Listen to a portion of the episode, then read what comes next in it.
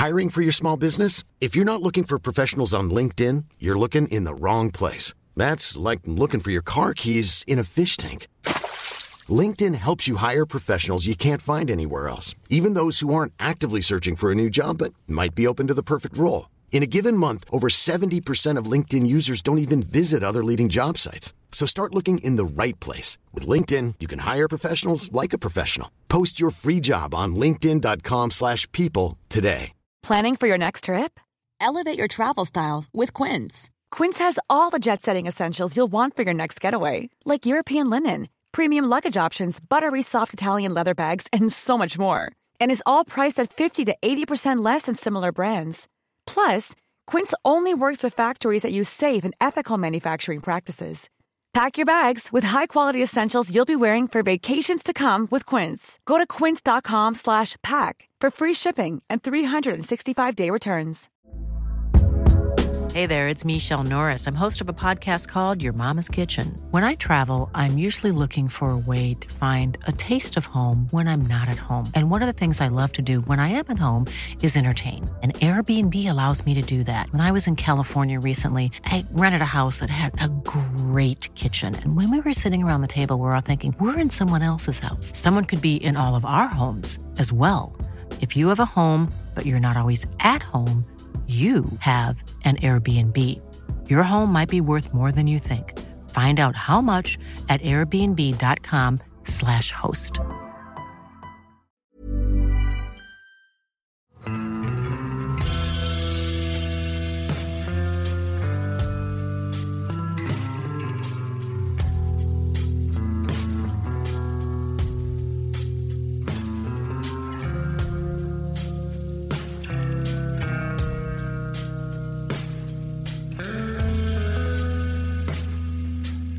Hei og velkommen til podkasten Uteliv.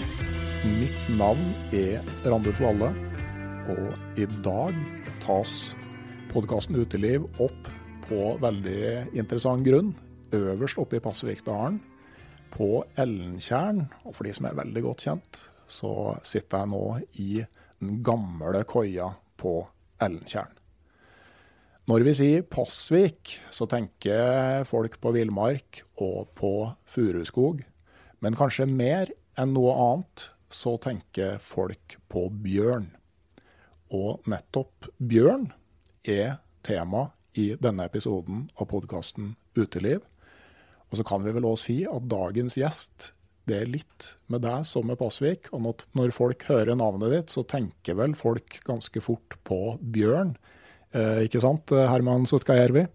Det er veldig mange som tenker på, på bjørn, og, og, selvfølgelig er det mange som ønsker å se bjørn. da, Og mm. kanskje kommer det av den grunn til Pasvik. Mm. Men du Herman, du, du, er oppvokst i Pasvik, ikke sant? Ja, vi er bare en 1,5 km fra hjemplassen min, og her har jeg vokst opp, og, og her blir det. Greit for alt som er avklart. Men uh, hvor mange bjørnemøter har du hatt, du? Jeg har, uh, har ikke regna så veldig fint, men jeg regner med rundt 500-550, kanskje i overkant av det også. Husker du fortsatt det aller første? Ja, det gjør jeg. Jeg var 14 år gammel da jeg først, for første gang fikk se bjørn som svømte over Pasvikelva på en plass som heter Bjørnholmen. Og Det var på våren, og den fikk jeg filma med en gammeldags Video 16-kamera. Så den husker jeg veldig godt. Men eh, sånn fra oppveksten og sånn, var det mye snakk om bjørn når man bodde her oppe? Nei, det var nok ikke det. det var, den bjørn var jo som en, en, en, som en selvfølge i Pasvik-naturen. Og det ble jo skutt selvfølgelig en del bjørner. og Bestefar min, Esaya Sotkajärvi, var jo en dyktig og kjent jeger i Pasvikdalen. Men uh, du har jo òg vært profesjonell bjørnejeger, ikke sant? Ja, jeg har eh, jobba med bjørn siden 73, og vært ansatt da i, fra statens side og fylkesmann, og, og, som jeger og registrator. Stemmer det? Jeg har hørt at du var den aller første ansatte i Statens naturoppsyn da det ble oppretta? Ja, det stemmer det. Jeg ble plukka ut av det og fikk være med Statens naturoppsyn som, som jeger da. Det sier jo litt da, at eh, så fort man har oppretta oppsynet, så, så, ringer man deg og lurer på om du vil ha jobb? Ja, det var jo veldig koselig, eller veldig fint gjort at, at jeg fikk det tilbudet og fikk jobbe der i mange, mange, mange år. Så en del av de bjørnemøtene dine har jo vært i jaktsituasjoner, men, men ikke bare det? Nei, kanskje den, Det er jo den jaktdelen som jeg blir liksom mest kjent som media interessert i, men det er jo en bitte, bitte liten brøkdel av det, de tusenvis av timene jeg bruker til eget bruk, til fotografering og det. det, det men det er jaktdelen som jeg er blitt mest kjent for da. Ja, for at, altså, når du er ute og, og sånn, drar du ofte ut liksom, med tanke på å møte bjørn? Eh, altså At du søker det å møte bjørn i Pasvik? Ja, det gjør jeg. Jeg driver jo og trener hund, og så driver jeg og fotograferer. og når det ikke er jakt og det, så, så har jeg kun fotoapparatet med meg. Det er jo da mest interessant å ta bilder og, og prøve å filme og finne ut hva bjørn gjør. Og, så det er veldig interessant og fantastisk jobb. Men uh, med over et halvt tusen bjørnemøter, da, altså hva er det nærmeste du har vært på bjørn? Det er ca. 70 cm var avstanden i, mellom meg og bjørn. Men jeg har jo hatt eh, fire sånne skinnangrep hvor bjørn har kommet da på fire-fem meter, og så da snudd, heldigvis. Og nå har jeg begynt å prate forsiktig at, det, at en hører at et menneske, så, så forsvinner den. Men uh, da du hadde bjørn på 70 cm, altså kan du fortelle litt om altså, hvordan skjedde det? Nei, Det var en, en, en, en som drev med fiske, ferskvannsfiske her, og han fikk lov å, i et grustak her grave en grop, og der var han og tømte fiskeavfall hver dag. Og så på, I løpet av sommeren så begynte det selvfølgelig å lukte, og det kom en bjørn dit. Og den begynte å bli tam imot menneskene. Folk begynte å kjøre dit opp og begynte å hive mat i denne.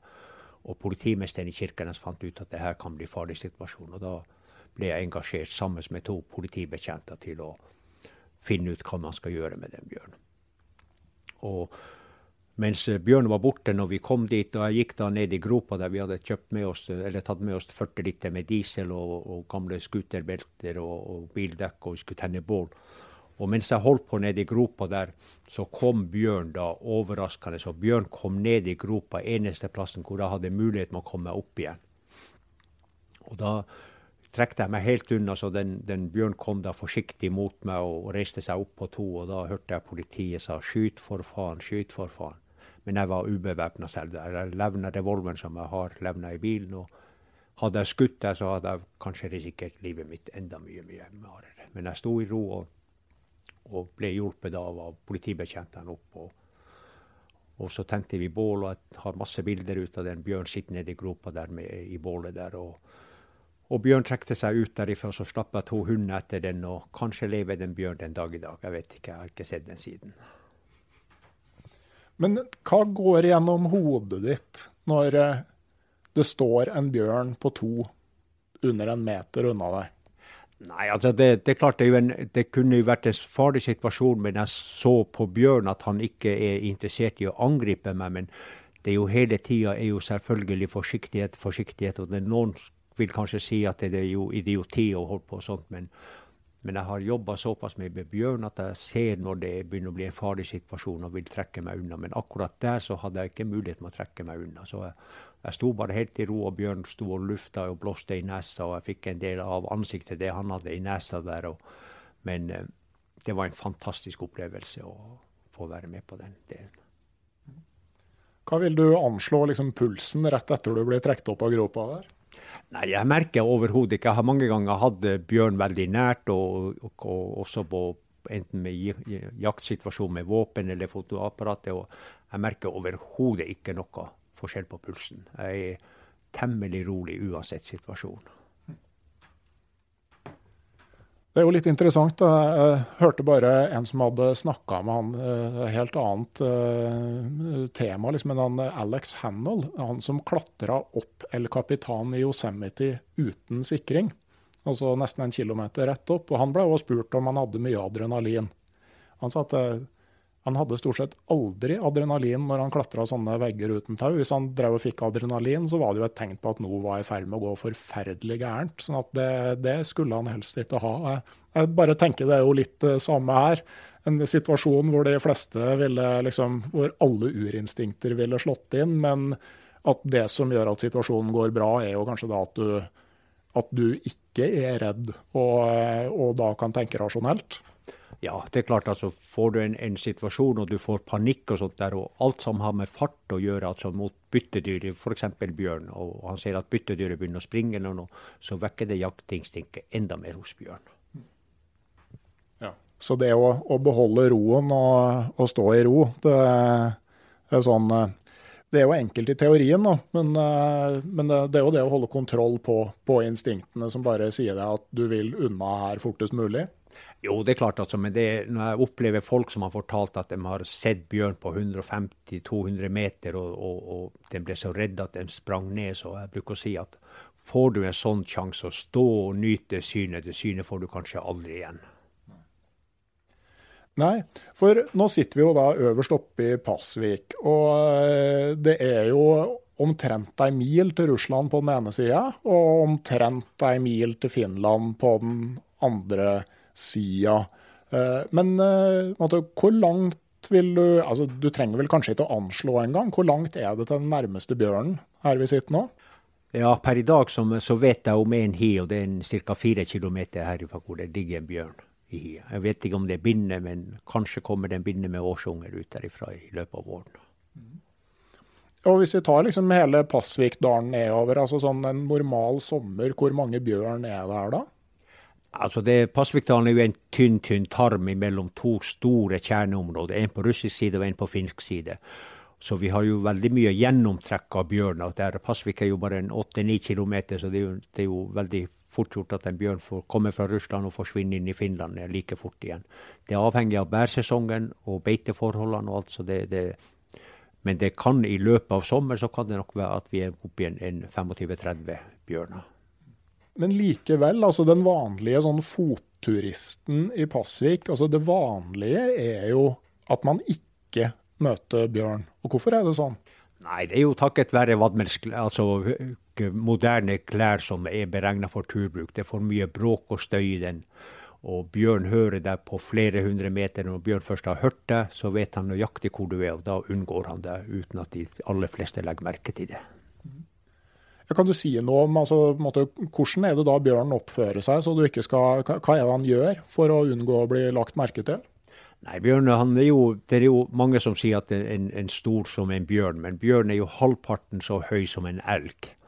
Og når han enda skal lure seg unna, så går han blir jo enda lavere og klarer å benytte seg ut av trær og busker og alt som han, han, går. Og så kan han legge seg ned og vente til du passerer 25 meter ifra han uten at du ser han. Han legger seg helt skinnflat, og der ligger han og venter bare til du passerer forbi han. Ja, for i utgangspunktet så har han ikke noe lyst til å treffe oss? Nei, utgangspunktet altså hvis du begynner å prate, så, så ser du med en gang at da begynner bjørnen å trekke seg unna og forsvinne temmelig fort. Ok. Men når det gjelder sansene til bjørn, altså, altså, hørselen er åpenbart god. altså Hvordan er det med luktesans og med syn? altså Hva er det den baserer seg på mest? Syn er jo, er jo lukte, Luktesansen er jo fantastisk. Men så er det synet da som er likedan som hunder, at de ser bevegelser veldig fort. Oppdager bevegelser veldig fort. Og så selvfølgelig hørselen er kjempegod for, på bjørn i situasjoner hvor måte luktesansen og hørselen er hemma. Altså, eneste, jeg har kun møtt én bjørn i Norge, jeg har møtt noen i Canada. Og eneste gangen jeg syntes det var litt ekkelt, var når jeg gikk nedover i motvind langs ei ganske stri elv som bråka ganske mye. Og litt tilfeldig satt meg på en stein for å hvile litt, og så plutselig så at sånn 100 meter foran meg så rørte det seg inni et vierkratt. Og det var ei grizzlybinne med, med, to unger. Og da tenker jeg at uh, det er litt sånn typisk at elva bråka såpass mye at lyden av meg ble kamuflert, og med vinden imot så fikk hun ikke ferten av meg heller. Og da havner du plutselig mye tettere innpå enn du ville gjort liksom, hvis, uh, hvis, situasjonen var en annen sånn sett, ikke sant? Ja, det er klart. altså. Det, selvfølgelig er det forferdelig sterk vind, eller så kan det selvfølgelig hende at du kommer deg temmelig nært. Men så er også litt det at det senere på høsten så begynner bjørn, begynte vintertvalen å virke, og bjørn begynner å sove lengre, den kan sove tyngre. Og da kan du komme temmelig nært uten at det blir oppdaga før en bjørn hopper opp og begynner å springe vekk derifra. Altså Da har han altså rett og slett ligget og sovet, og så plutselig våkne til at du kommer nært på? Ja, den ligger og sover, og den, den kan ligge i en, en, grop eller noe så du ikke ser den, og, og da oppdager den først kanskje på 10-15 meter. og da våkner bjørn, og så springer han av gårde. Så det har jeg opplevd to ganger i, i mitt liv da, med det her bjørn. Men uh, altså da, hvis du, hvis du, er på tur i Pasvik, altså er det noe flere forhånds... Eller her, eller for så vidt uh, altså sånn som Øvre Anárjohka òg, som jo har en, en, del mer bjørn enn gjennomsnittet landet. Altså, når du er på tur i sånne områder, altså, er det noen andre forhåndsregler du bør ta enn når du er på tur et hvilket som helst annet sted? En normal bjørn, altså normal villbjørn, vil ikke, man, man, vil ikke reagere annet enn kan komme kanskje hvis det ligger slakteavfall og sånt der, at den lukter av slakteavfall eller noe, så bryr han seg ikke om menneskelukt i det hele tatt. Da er det mat, kun mat som står i hodet. Men normalt, altså vanlig å ligge i telt og sånt her, det, det ser jeg ikke noe som problem i det hele tatt. Det er noe sånn med altså sånn fiskeavfall, sånne ting. Er det noen grunn til å ta noen ekstra forhåndsregler med det? Ja, i hvert fall ikke ta det i nærheten av, av, der hvor du ligger i telt eller hytte eller noe. Det er jo aller beste det er å pakke det vekk, sånn at bjørn ikke får lukta ut. og Det er jo bli tiltrukket ut ut av lukta av fiskeavfall. Og Det er jo kanskje ekstra viktig sånn, inni, sånn som her i, i, nasjonalparken, hvor det gjerne altså at folk bor på de samme hyttene og ofte bruker de samme leirplassene. at hvis, man, hvis, man, hvis folk begynner å slurve der, så kan du jo etablere en vane om at det er mat å finne i nærheten av de hyttene.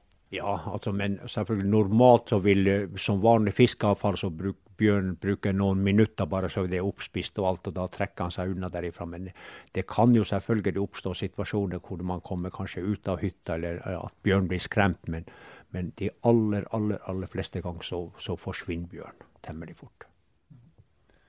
Men i tillegg, altså, som du sa, altså, det med, med, bråk, altså med lyd, er noe som holder bjørnen unna. Altså, øh, en øh, kompis av meg som bodde i Kirkenes øh, og var ganske mye på tur i Pasvik, sa at Gore-Tex og turkompiser, den kombinasjonen, det gjør at du i praksis aldri kommer til å møte bjørn.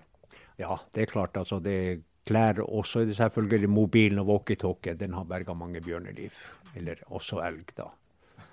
Ja, Da tenker du på en jaktsituasjon, altså jegere som er for interessert i å prate med hverandre? Ja da, det er spesielt det. da. Og jeg ser jo når jeg driver og bare fotograferer, prøver å lage da forskjellige lyder for å se hvordan bjørn, bjørn reagerer hvis ikke bjørn er klar over at jeg er i nærheten.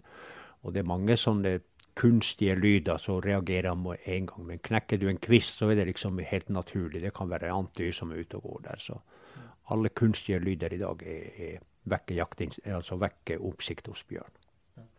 Ja, så sånn der mobilen som ringer eller spraking, spraking i en walkietalkie eller noe sånt, det er noe som ikke hører hjemme der i det hele tatt, ikke sant, som man reagerer på? Nei, overhodet ikke. og Mobilen piper litt, det kommer meldinger av kompiser og sånt. Så er, når jeg er ute og vandrer, så er mobilen avslått, og det er ingen som får kontakt med meg i det hele tatt. Mm. Så Det var hvordan man da skal unngå å treffe bjørn når man er på tur. Men du kan jo også se for deg at du, du nettopp drar til Pasvik og Anarjokka eller Lierne f.eks. I, i Trøndelag fordi du kunne tenkt deg å sett en vill norsk bjørn i sitt naturlige element. Jeg bodde jo her i Finnmark en eh, god del år, og en tur jeg tenkte på, da, som jeg aldri fikk gjort det var å ha tatt meg ei uke eller to sånn eh, når det begynner å bli godt med blåbær. Og så finne meg en litt sånn luftig kolle et eller annet sted, enten i Pasvik eller Randeråka, med god utsikt mot noen bærlier. Hadde det vært en grei strategi for å eh, ha en mulighet til å se bjørn? Ja, det er klart. altså det, det er jo veldig mange som kommer hit til Pasvik og, og de spør hvor det er bjørn å se. og så og så starter de, og så springer de nærmest et, et område over hele området. Det som er mest gunstig, det er å, som du sier, slappe av, ta det med ro, sitte lenge, se, speide, bruke kikkerten, lytte. For Bjørn en, har en del lyder som han driver og graver i stubber og stokker, og, så det blir en del lyder ut av det. Men jeg er jo litt heldig med at jeg har en hund som fungerer veldig bra på bjørn, så jeg finner jo bjørn temmelig fort da, etter hvert. Mm. Men for oss andre da, altså, ville det være en grei strategi? altså sette seg, sette seg, i ro på et sted med oversikt, og kanskje litt høyt, sånn at du i mindre grad verdsetter hele terrenget? Ja, hvis man finner et område, man finner bjørnebøk, finner møkkruker hvor man ser at han har spist blåbær, så det er et område hvor han vil komme tilbake igjen. Er det blåbær igjen der, så vil han komme tilbake igjen. de samme stedene. Så det å sitte og vente og lytte, det er en lur måte å gjøre det på. Jeg vil tenke at De som treffer bjørn tilfeldig, så er det jo egentlig to grupper det er snakk om. Det, det er jo jegere, og så er det bærplukkere. Og jeg tenker at det er kanskje ikke så rart. Altså Jegeren prøver jo å gå stille og gjerne mot vind og sånne ting. Og bærplukkeren er jo for det første i bærområdet, og så står de ganske rolig. Sånn at, at det kan være en grunn til at de har en tendens til å treffe på bjørn. Ja, det er klart. De er jo i samme område, holdt på sin bjørns matfat. De er jo i samme område, den plukker blåbær og krøkkebær, akkurat det som også bjørn gjør. Og det er mange som sier at når, når multebæra begynner å bli bonden, så da er det masse bjørn i Pasvik. Men det er helt naturlig. Bjørn går på store myrer og beiter blåbær, øh, multebær, og da er det selvfølgelig at det er også andre folk der og plukker bær da, og, og blir oppdaga da. Både bjørn og menneskene blir oppdaga. Men uh La oss si at, altså, at du, uh, du, sitter og ser en bjørn på avstand, altså at du får oppleve det. Altså, Hvordan kan du på en måte se om den bjørnen bare driver med sitt, eller om den har oppdaga det? Altså Hvis bjørn først har oppdaga det, så vil han jo drive og lukte. Man ser hodet går opp og ned, han lukter i flere, flere høyder. Og så reiser han seg gjerne på to for å se bedre. Og det er mange som sier at da ja, bjørn angriper når han reiser seg på to, men det gjør han ikke. Han, Bjørn er ustabil når han er på to, så angriper han først, så kommer han på alle fire. Altså Det at den reiser seg på to, det er ikke et tegn nødvendigvis på aggresjon, men mer på altså nysgjerrighet og et behov for å få oversikt over situasjonen? Ja, det er for det første at han, han lukter bedre, han ser bedre når han står på to, og så få oversikt over situasjonen. Og Ønsker man ikke bjørn nærmere, så det er bare å begynne å prate rolig og begynne å trekke seg ut av området. Ja, Så bare, altså ikke begynne å rope eller noe sånt, altså, men bare begynne å prate rolig til hverandre? Ja, bjørn hører såpass godt at det holder lenge med å bare prate rolig og så trekke seg unna. Så, og når bjørn hører at du trekker deg unna, så legger han seg nede, så fortsetter han å beite da. Ja, for da handler det jo litt om at bjørnen, altså hvis den hvis den er langt unna og merker at du er der. Altså når, når, du prater, så hjelper du den med å forstå at det er et menneske som er her. Sånn at du hjelper den med å få kontroll over situasjonen? Ja, for ofte det vi mennesker når vi står på to, så kan en bjørn oppfatte det som en rival eller en annen bjørn. Og er den bindet med unger, så kan den begynne å komme imot deg for å være sikker på at de, de ungene ikke blir tatt av, av, av hannbjørn, f.eks. Men begynner man å prate, at Bjørn hører at et menneske, så vil den trekke seg, ta ungene med seg og forsvinne derifra. Jeg merka jo, jeg har alltid syntes det var litt snodig når jeg har sett Lars Monsen snakke engel, på engelsk til engelske bjørner, eller til canadiske bjørner. Jeg merka faktisk at jeg begynte med det samme sjøl, men eh, det, det, blir det samme om du snakker norsk eller russisk eller finsk til bjørnen her? Ja, det har ikke noe med, med språk å si, og det kan si at det, begynner du å prate engelsk her, så forstår ikke Bjørn i det ord i det hele tatt ut av det. Så det, det, holder lenge med å begynne å prate på norsk og, og stille. Jeg trenger ikke å rope i det hele tatt. Men eh, hvis altså, måte, et vanlig sånn bjørnemøte som det der, altså, hva slags avstand vil du normalt altså, få den på da?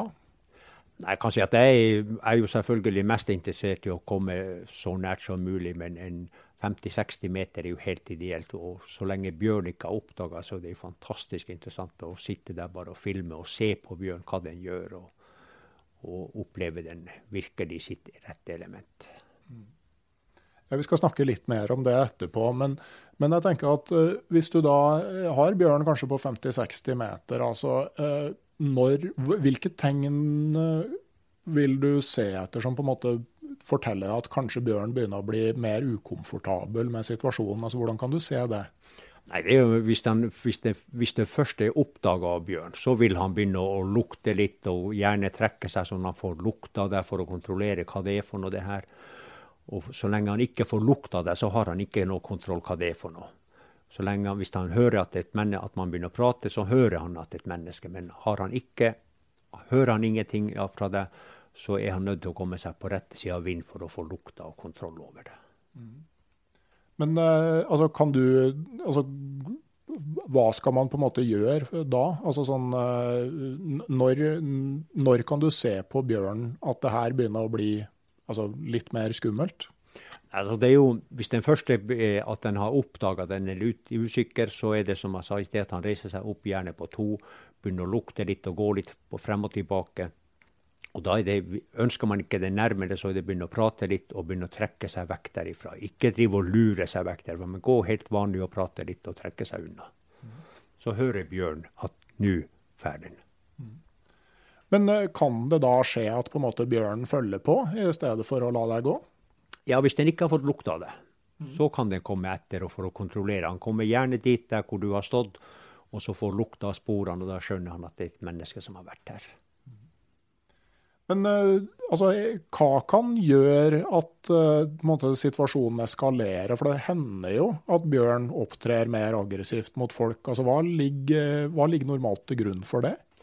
Nei, Det er jo selvfølgelig bindet med årsunger er, er dem binna vil angripe eller beskytte ungene sine. og Hun vil komme, hun gjør alt for å berge ungene sine. så det, Hun tar gjerne opp en slåsskamp med en, en hannbjørn også for å berge. Mm. Og, men hun blåser i nesa og gir beskjed til ungene at de skal klatre opp i trær. og Da klatrer de så høyt de bare kommer seg opp på de øverste kvistene, og der sitter de og venter til situasjonen er over.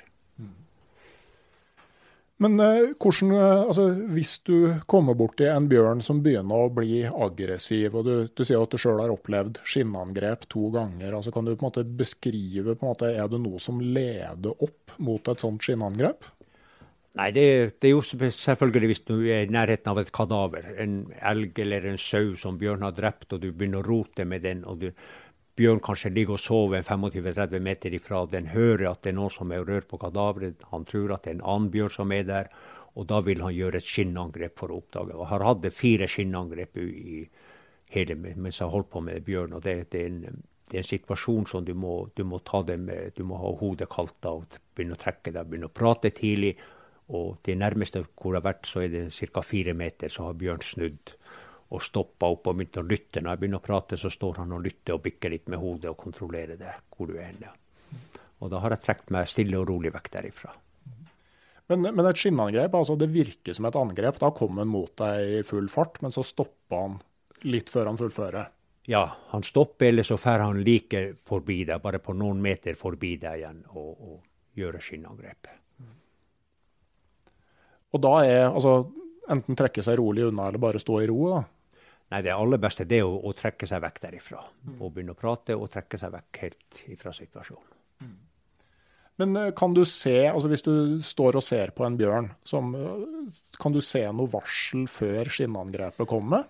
Ja, når han står i ro, så setter han forfotene veldig bredt, hodet langt ned for å gjøre seg enda større. Eller han virker som han blir mye, mye større. Og da er hodet nesten helt ned på bakken, og føttene står nesten rett ut for fotene. Og da kommer han sakte, sakte gående imot det. Og da er, da er, det rett før, altså? Det kan være rett før han gjør et skinnangrep. Hvis han ikke får lukta det i, i mellomtida, at han en vindpust som gjør at han Bjørn får lukta det, at han skjønner at det er et menneske. Men som oftest, sånn skinnangrep, så er det det at han tror at det er en rival som er der. Men sånn med, altså jeg har hørt en del som sier at bl.a. at du ikke skal se rett på bjørnen i sånne tilfeller. Er det noe i det? Nei, det har ikke noe med, med saken å gjøre. Bjørn ser veldig dårlig i, i utgangspunktet. Han oppdager bevegelser veldig fort, men synet er, er som, nesten som hos mennesker. Dårlig nattsyn. Så, så, det med at du skal se bort og ikke se en i øya og sånne ting, du, du mener ikke at det har noe eh, innvirkning? Nei, det har jeg ikke. Jeg vil heller ha kontroll, se på bjørn da og ha full kontroll over hva han gjør, hvordan senker han hodet, alt mulig. Så, det, så jeg vil heller kontakte, ha kontakt med øyekontakt med han, og så trekke meg vekk derifra. Men sånn, i sånne situasjoner, altså, er det noe du absolutt ikke skal gjøre? I hvert fall ikke begynne å, å springe vekk fra den situasjonen. For alt som har med fart å gjøre, det vekter jaktinstinktet. Både på, på, hos uh, jerven og bjørn og ulv. og gaupe. Så alt med fart, det vekker jaktinstinktet. Ja. Så, eh, og bjørnen eh, har eh, relativt grei toppfart, ikke sant? På en 400-500 meter så kan han komme opp i en 50-55 km fart. Og et menneske har ingen mulighet med å springe fra han. Så det er jo det er jo greit å vite. altså sånn, Ta det med ro. Og, og du kan ikke springe fra en bjørn sjøl om den ser litt sånn klumpete ut. Nei da, han springer, han springer, like fort uansett om det er steinur eller hva som helst. Så, så det, han holder samme farta uansett. OK. Jeg får fylle på kaffen. Ja. Holde maskineriet i gang. Men eh, du driver jo òg nå med, eh, med, bjørnejakt. Men altså, er det primært sånn, la oss kalle det problembjørn, som du jakter på? Ja, her i Norge da er det jo for det meste det. Men jeg er jo i Finland hvert år og, og jakter bjørn. da, Og da jakter jeg av, helt av private grunner og for å trene opp hund. Mm. Men er det noe forskjell på, på jaktformen i de to uh, forskjellige settingene? Nei, det er det ikke. Altså, det er jo stort sett det samme måten, men, men Finland har jo mye mye større bjørnestam enn det vi har. Men Kan du forklare litt? Altså, du jakter jo med hund. Kan du forklare hvordan, eh, hvordan en sånn eh, bjørnejakt foregår? Nei, altså, jeg, jeg, får jo Skal vi ta hundetreningene nå? Ja, du kan kanskje begynne med hvordan jakta foregår, og så kan vi gå på treninga etterpå? Den, den jakta jo, Når jeg jakter med, med, hund, så går jeg med han i bånd helt til jeg ser, at, ser på hunden at nå er bjørn i nærheten. Selv om jeg ikke har sett den eller hørt den, men jeg ser på hunden at nå er det like før. Og da slipper han løs. Og da jakter han som løshund. da. Og da blir det los bare i noen minutter etter at jeg har sluppet han løs, så er det los da. Og så er det selvfølgelig om å gjøre å tenke på vær og vind, og gå sakte, sakte imot losen, da. Ja, for da, da står hunden og på en måte hindre bjørnen i å stikke av, samtidig som en eh, bjeffer? Ja, han forstyrrer da bjørns oppmerksomhet. Og, og den uh, hunden jeg har nå, så har han, har han bedt to ganger har han bedt bjørn fast i baken for å, for å stoppe bjørn da, og terge han skikkelig opp. da. Mm. Sånn at Det gjør det da mulig for deg å komme på, på skuddhold. Men hvor nære kommer du da? Nei da, det er alt avhengig av. Altså, jeg må jo selvfølgelig tenke på hunden som er der før jeg skyter. Jeg må tenke på, på at, bjørn, at hunden ikke er bak bjørnen, at han er på sida. Og det kan være alt fra, fra 50 til 150 meter. Det, det, er avhengig av situasjonen.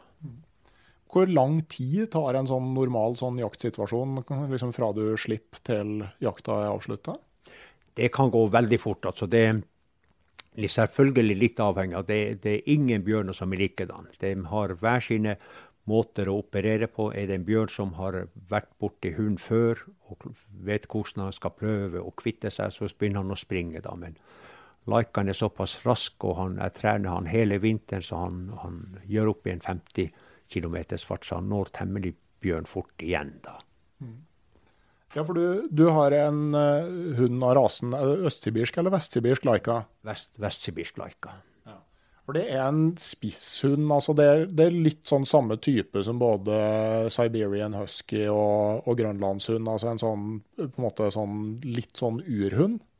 Ja, den uh, vestsibirske laika kommer jo fra nordsibirsk fra Russland. Der ble den første gang at den begynte å bruke den til, til bjørnejakt. Eller det som russerne kalte for farlejakt, altså bjørn- og villsvinjakt. Ja, sånn, uh, er, er hva som karakteriserer den, eh, den hunderasen? Altså, hvorfor er det den du velger?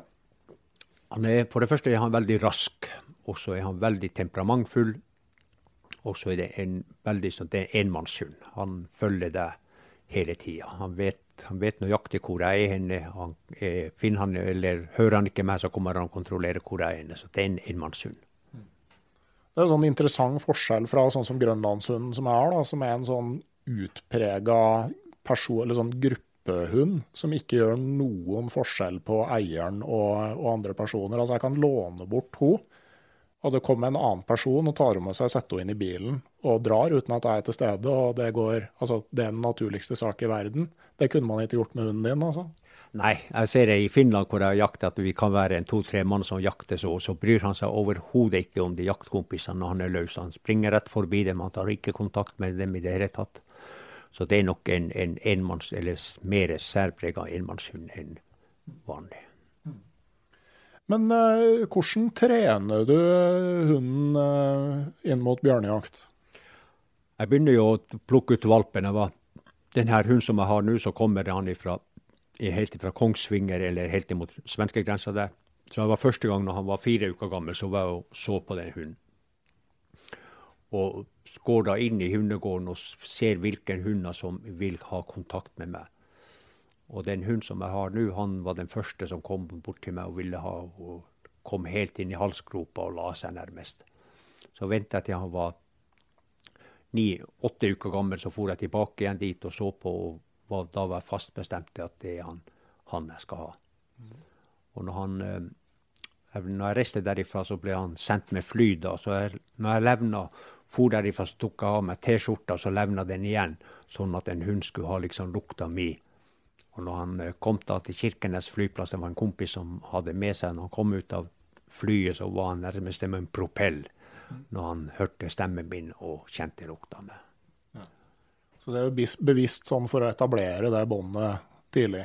Ja, det er bevisst også. Begynner å trene han allerede som tre-fire måneder gammel. så begynner jeg å trene han.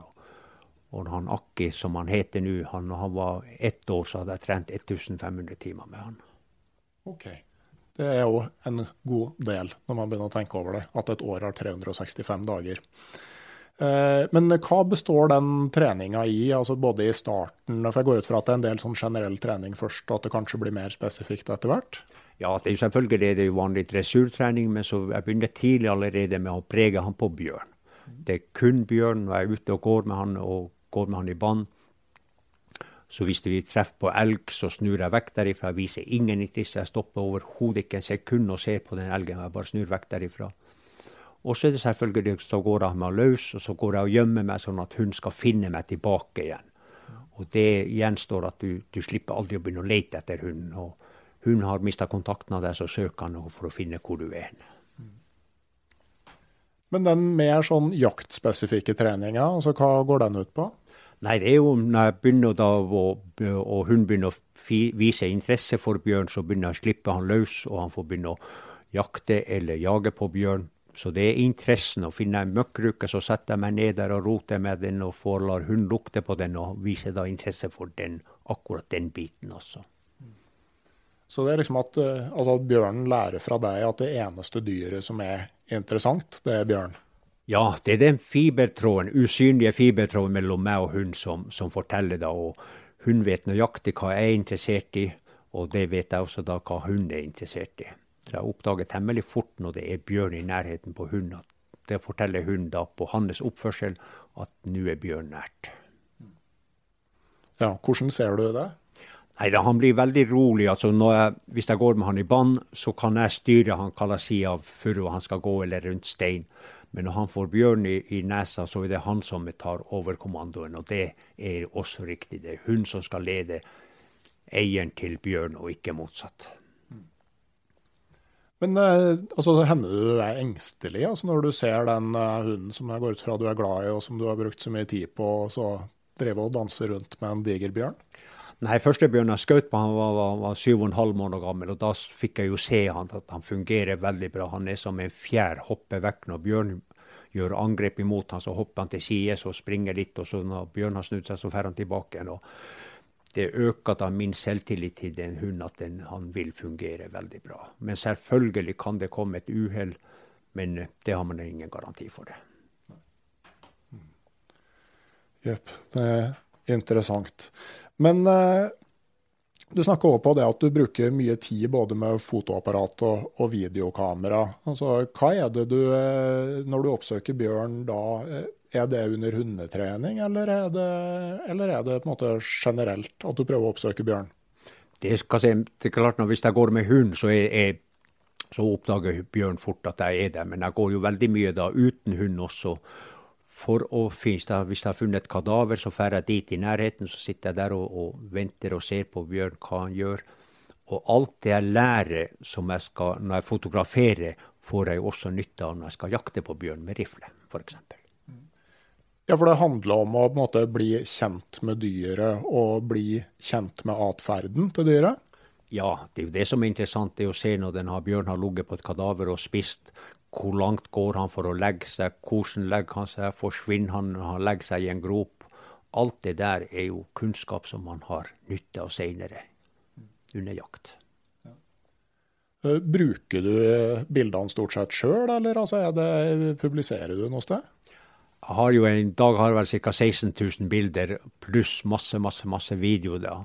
Og det er jo en, en jeg reiser jo rundt, rundt, omkring i landet og holder foredrag om mine opplevelser med bjørn. Og da er det video som jeg viser da. Det er en foredrag som varer 1 time og 20 minutter ca. Og forteller da om mine opplevelser med bjørn. Ja, hvis noen vil booke foredragene, hvordan får de tak i det? Å søke på telefonkatalogen, eller? Det går an å søke på telefonkatalogen. Jeg er ikke på Facebook eller noe, så det er telefonkatalogen og, og telefon som er kontakten. Det kan jo være noe å tenke på rundt omkring. Eh, men vi snakka litt om det her med altså sånn eh, um, Altså eh, har, har, bjørner ulik personlighet? Sånn at bjørn har samme kjønn og samme alder, altså oppfører de seg veldig likt, eller er det store forskjeller? Det er jo veldig, veldig store forskjeller. Selvfølgelig er det, er det erfaring som den bjørnen har hatt med mennesker og alt det her tidligere. Hvordan har den kommet seg unna uten at menneskene har kommet etter han og alt sånt her. Men, men i, i, jaktsituasjoner så har når jeg ser på hund, så er forskjellig veldig stor forskjell. Noen setter seg ned veldig fort. Noen prøver å stikke ifra hund, noen prøver å klatre opp i et tre. Og alt sånt der. Det, det, så det er veldig forskjellige individ. Men sånn, eh, altså er det veldig stor forskjell på hvordan binner og hannbjørner oppfører seg? Binner er jo veldig stasjonære, og de har en årsunge eller, eller et fjorårsunge, så er de veldig stasjonære. Og det kan være oppførsel at hvis de føler at ungene er trua, så gjør de hva som helst for å berge de ungene. Men en, ei eh, binne, eh, er det riktig at den nå har et mindre territorium enn en hannbjørn? Ja, den har jo veldig mye mindre. Den er veldig stasjonær. Det er bare noen, holdt på å si, noen kvadratkilometer i forhold til hannbjørner som har flere hundre kvadratmeter kilometer. Men uh, som vi nevnte jo på i starten her i Pasvik, at det er en del bjørn fra både Russland og Finland som kommer inn hit. Altså, Er ikke grensegjerdene bjørnesikre? Nei, det er de nok ikke. Og spesielt imot Finland så er det bare vanlig netting, og der kommer bjørn seg under. Og også vedlikeholdet på russisk side er jo ikke sånn som det en gang var. Så det er nok hold der som bjørn har funnet ut at der kommer han seg gjennom. Hva er det som gjør at bjørn eh, legger ut på lengre trekk? Det kan være matmangel. Altså, altså maten er jo først og fremst. Det er jo kun det som bjørn står i løpet av hele sommeren og vinteren. Og sommeren, det er mat. Det må legge seg 50-60 kg med fett for å klare å sove hele vinteren. Så det er nok mat som står høyest. Og, og da bruker den terrenget forskjellige. På, på, tidlig på sommeren så er det jo ikke bær så går han Dette er urter, mus, biller, alt mulig. Slakteavfall, kadaver. Og så er det da seinere, når bæra kommer, så er det bæra som er, er, først og fremst i hodet på den. Ja, Så dårlig bæresesong i Russland kan bety mer bjørn i Pasvik? Enten dårlig bæresesong, eller så det, forekommer det at det er enorme skogbranner på russisk side. og Da trekker bjørn over til Finland og til Norge. da. Og så når det spirer opp igjen i, i, aska, så blir det derimot en veldig bra bærsesong ofte, da, litt seinere? Ja, året etter så kan det jo være god, godt med bær der igjen. Mm. Det klassiske svibruket. Ja. Jepp. Eh, jeg tror vi har begynt å komme gjennom ganske mye. Men altså du som En ting jeg lurer på. altså Når man blir henta for å jakte på problembjørner, det, det, inkluderer vel også bjørner som er, er, skadeskutt allerede? Altså Er det noe du Finland har har jo hatt, vært med å jakte to ganger på skadeskutt bjørn. Og, og det er jo selvfølgelig en, en, en ansvar som du tar over for andre jegere som har vært uheldige og skadeskutt. Men jeg må si at det, jeg har jo skutt en del bjørn, men det er ingen av de bjørnene som har noe feira for at jeg har fått skutt en.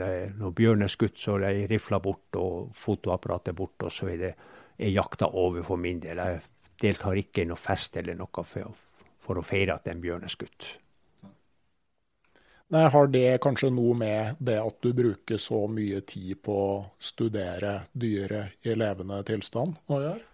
Ja, det er klart jeg bruker jo enormt med tid. Og den, selvfølgelig er det, en, en, også en personlig så er det ikke noe seier for at jeg har skutt en bjørn. Jeg har gjort en jo forhåpentligvis en god jobb for saueeiere eller, eller da andre jegere som har vært uheldige og skadeskutt bjørn. Så, så, for meg er det ikke noe det Jeg er fornøyd med at jeg har gjort det, ja. Men ikke noe mer enn det heller. Nei. Men det du snakker på at du bruker ganske mye tid ute på rett og slett studere det dyret du skal jakte på, det er jo, det er jo interessant å høre. For jeg, jeg driver og Altså, vi har øh, nettopp publisert en episode her i podkasten Uteliv om en trøndersk forfatter og jeger, Oddbjørn Lindsætmo, som virka på tidlig 80-tall, døde altfor tidlig. Han var veldig sånn opptatt av det utstyrshysteriet som han allerede da begynte å se konturene av hos jegere og turfolk, og mente at det som de lærte fra gammelt av, var liksom det å bruke tid ute, studere dyr, studere spor, lære seg hvordan naturen fungerer, og at sjøl om de da var mye enklere utstyrt som jegere, så hadde de en ballast som han tenkte, tenkte at var i ferd med å forsvinne da, allerede midt på 80-tallet. Er det noe som du òg tenker, liksom, at den der, den der, kunnskapen ved å oppholde seg mye ute og observere, at det er noe som, som til en viss grad er i ferd med å forsvinne? Ja, det er klart. altså, legger vi merke til når jeg er ute og går med de andre, da, hvis de er f.eks. at de er på jakt etter bjørn, og de ser en møkkrukke, de har ikke tid å stoppe opp og se på spor, ikke se hva den bjørnen har spist, de har ikke tid å se på sportegnene de eventuelt har. De er så veldig, veldig opptatt med å komme seg fra til A og til B. Og som ofte så er det da kunnskapen, og jeg ser overhodet ikke behov for å ha en masse ting hengende på beltet, kaffekopper og kniver, flere kniver. og Den kunnskapen du må ha og den erfaringa du må ha, det må være sitte mellom ørene. Og selvfølgelig vadmelsjaktklær. Ja, det er ikke noe Gore-Tex på deg når du skal på bjørnejakt? Nei, overhodet ikke. For jeg har, jeg har prøvd det der mange ganger, og bare å rasle litt med noe papir, det er nok til at bjørn vet nøyaktig hvor du er. Det er jo greit å ta med seg. Eh, jeg tenkte sånn for å avslutte litt, da, når vi sitter her på Ellentjern i Pasvik, og du da sier at det ligger en bjørn og sover fire kilometer eh, unna her. Altså når er det, Nå er vi da i eh, Begynner å nærme oss midten av februar. Når kan det begynne å skje noe? Når begynner bjørnen å krabbe ut av hiet? Det er litt avhengig av kvaliteten på hiet, men er det en hi som er godt, at det kommer ikke vann inn i den, så er det som oftest kanskje fra 20. april og utover. Med binne som har født unger, hun ligger langt helt i slutten av mai før hun kommer og forlater hiet. Det er hennes sikkerhet, det er det hiet. Ja.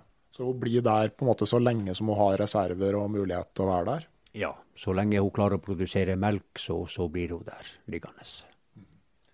Men sånn som nå, så er det jo eh, uværet Elsa som er over Norge. Og i Pasvik så er det jo vindstille, men det har faktisk vært plussgrader og tendenser til regn et par dager. Er det sånn som da kan få en bjørn i et dårlig hi til å ta en tur ut?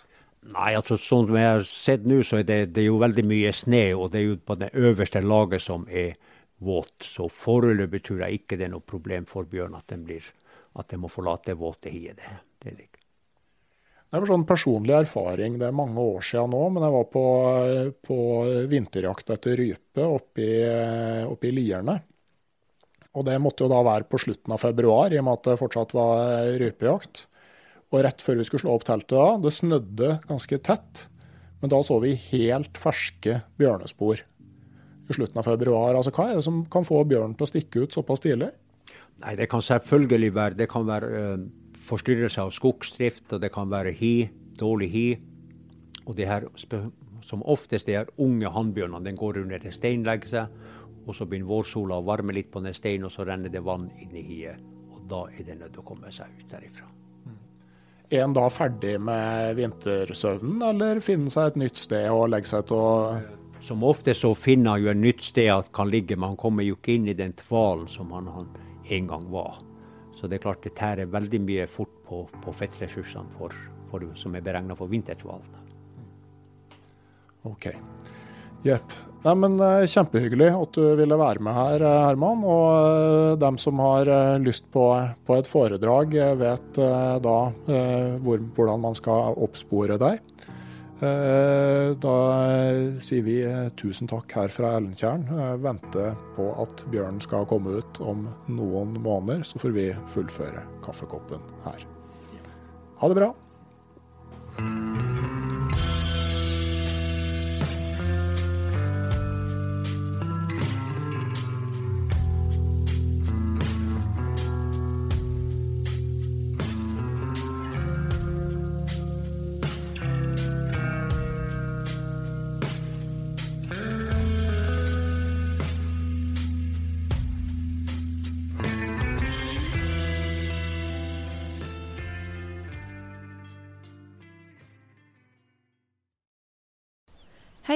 Jeg heter Nore Helligsen og er daglig leder i Barents Outdoor. Det beste vi kan gjøre for planeten, er å redusere forbruket vårt og få mer ut av det utstyret vi allerede har. Men vi vet av erfaring at bruken av telt kan endre seg over tid. Det teltet du kjøpte for to år siden, passer kanskje ikke det behovet du har i dag. Derfor har vi i Barents etablert en egen panteordning der vi tar imot brukte telt av god kvalitet i innbytte når du kjøper et nytt av oss. Prosessen er enkel. På barentsoutdoor.no gir det oss informasjon om teltet du vil bytte inn.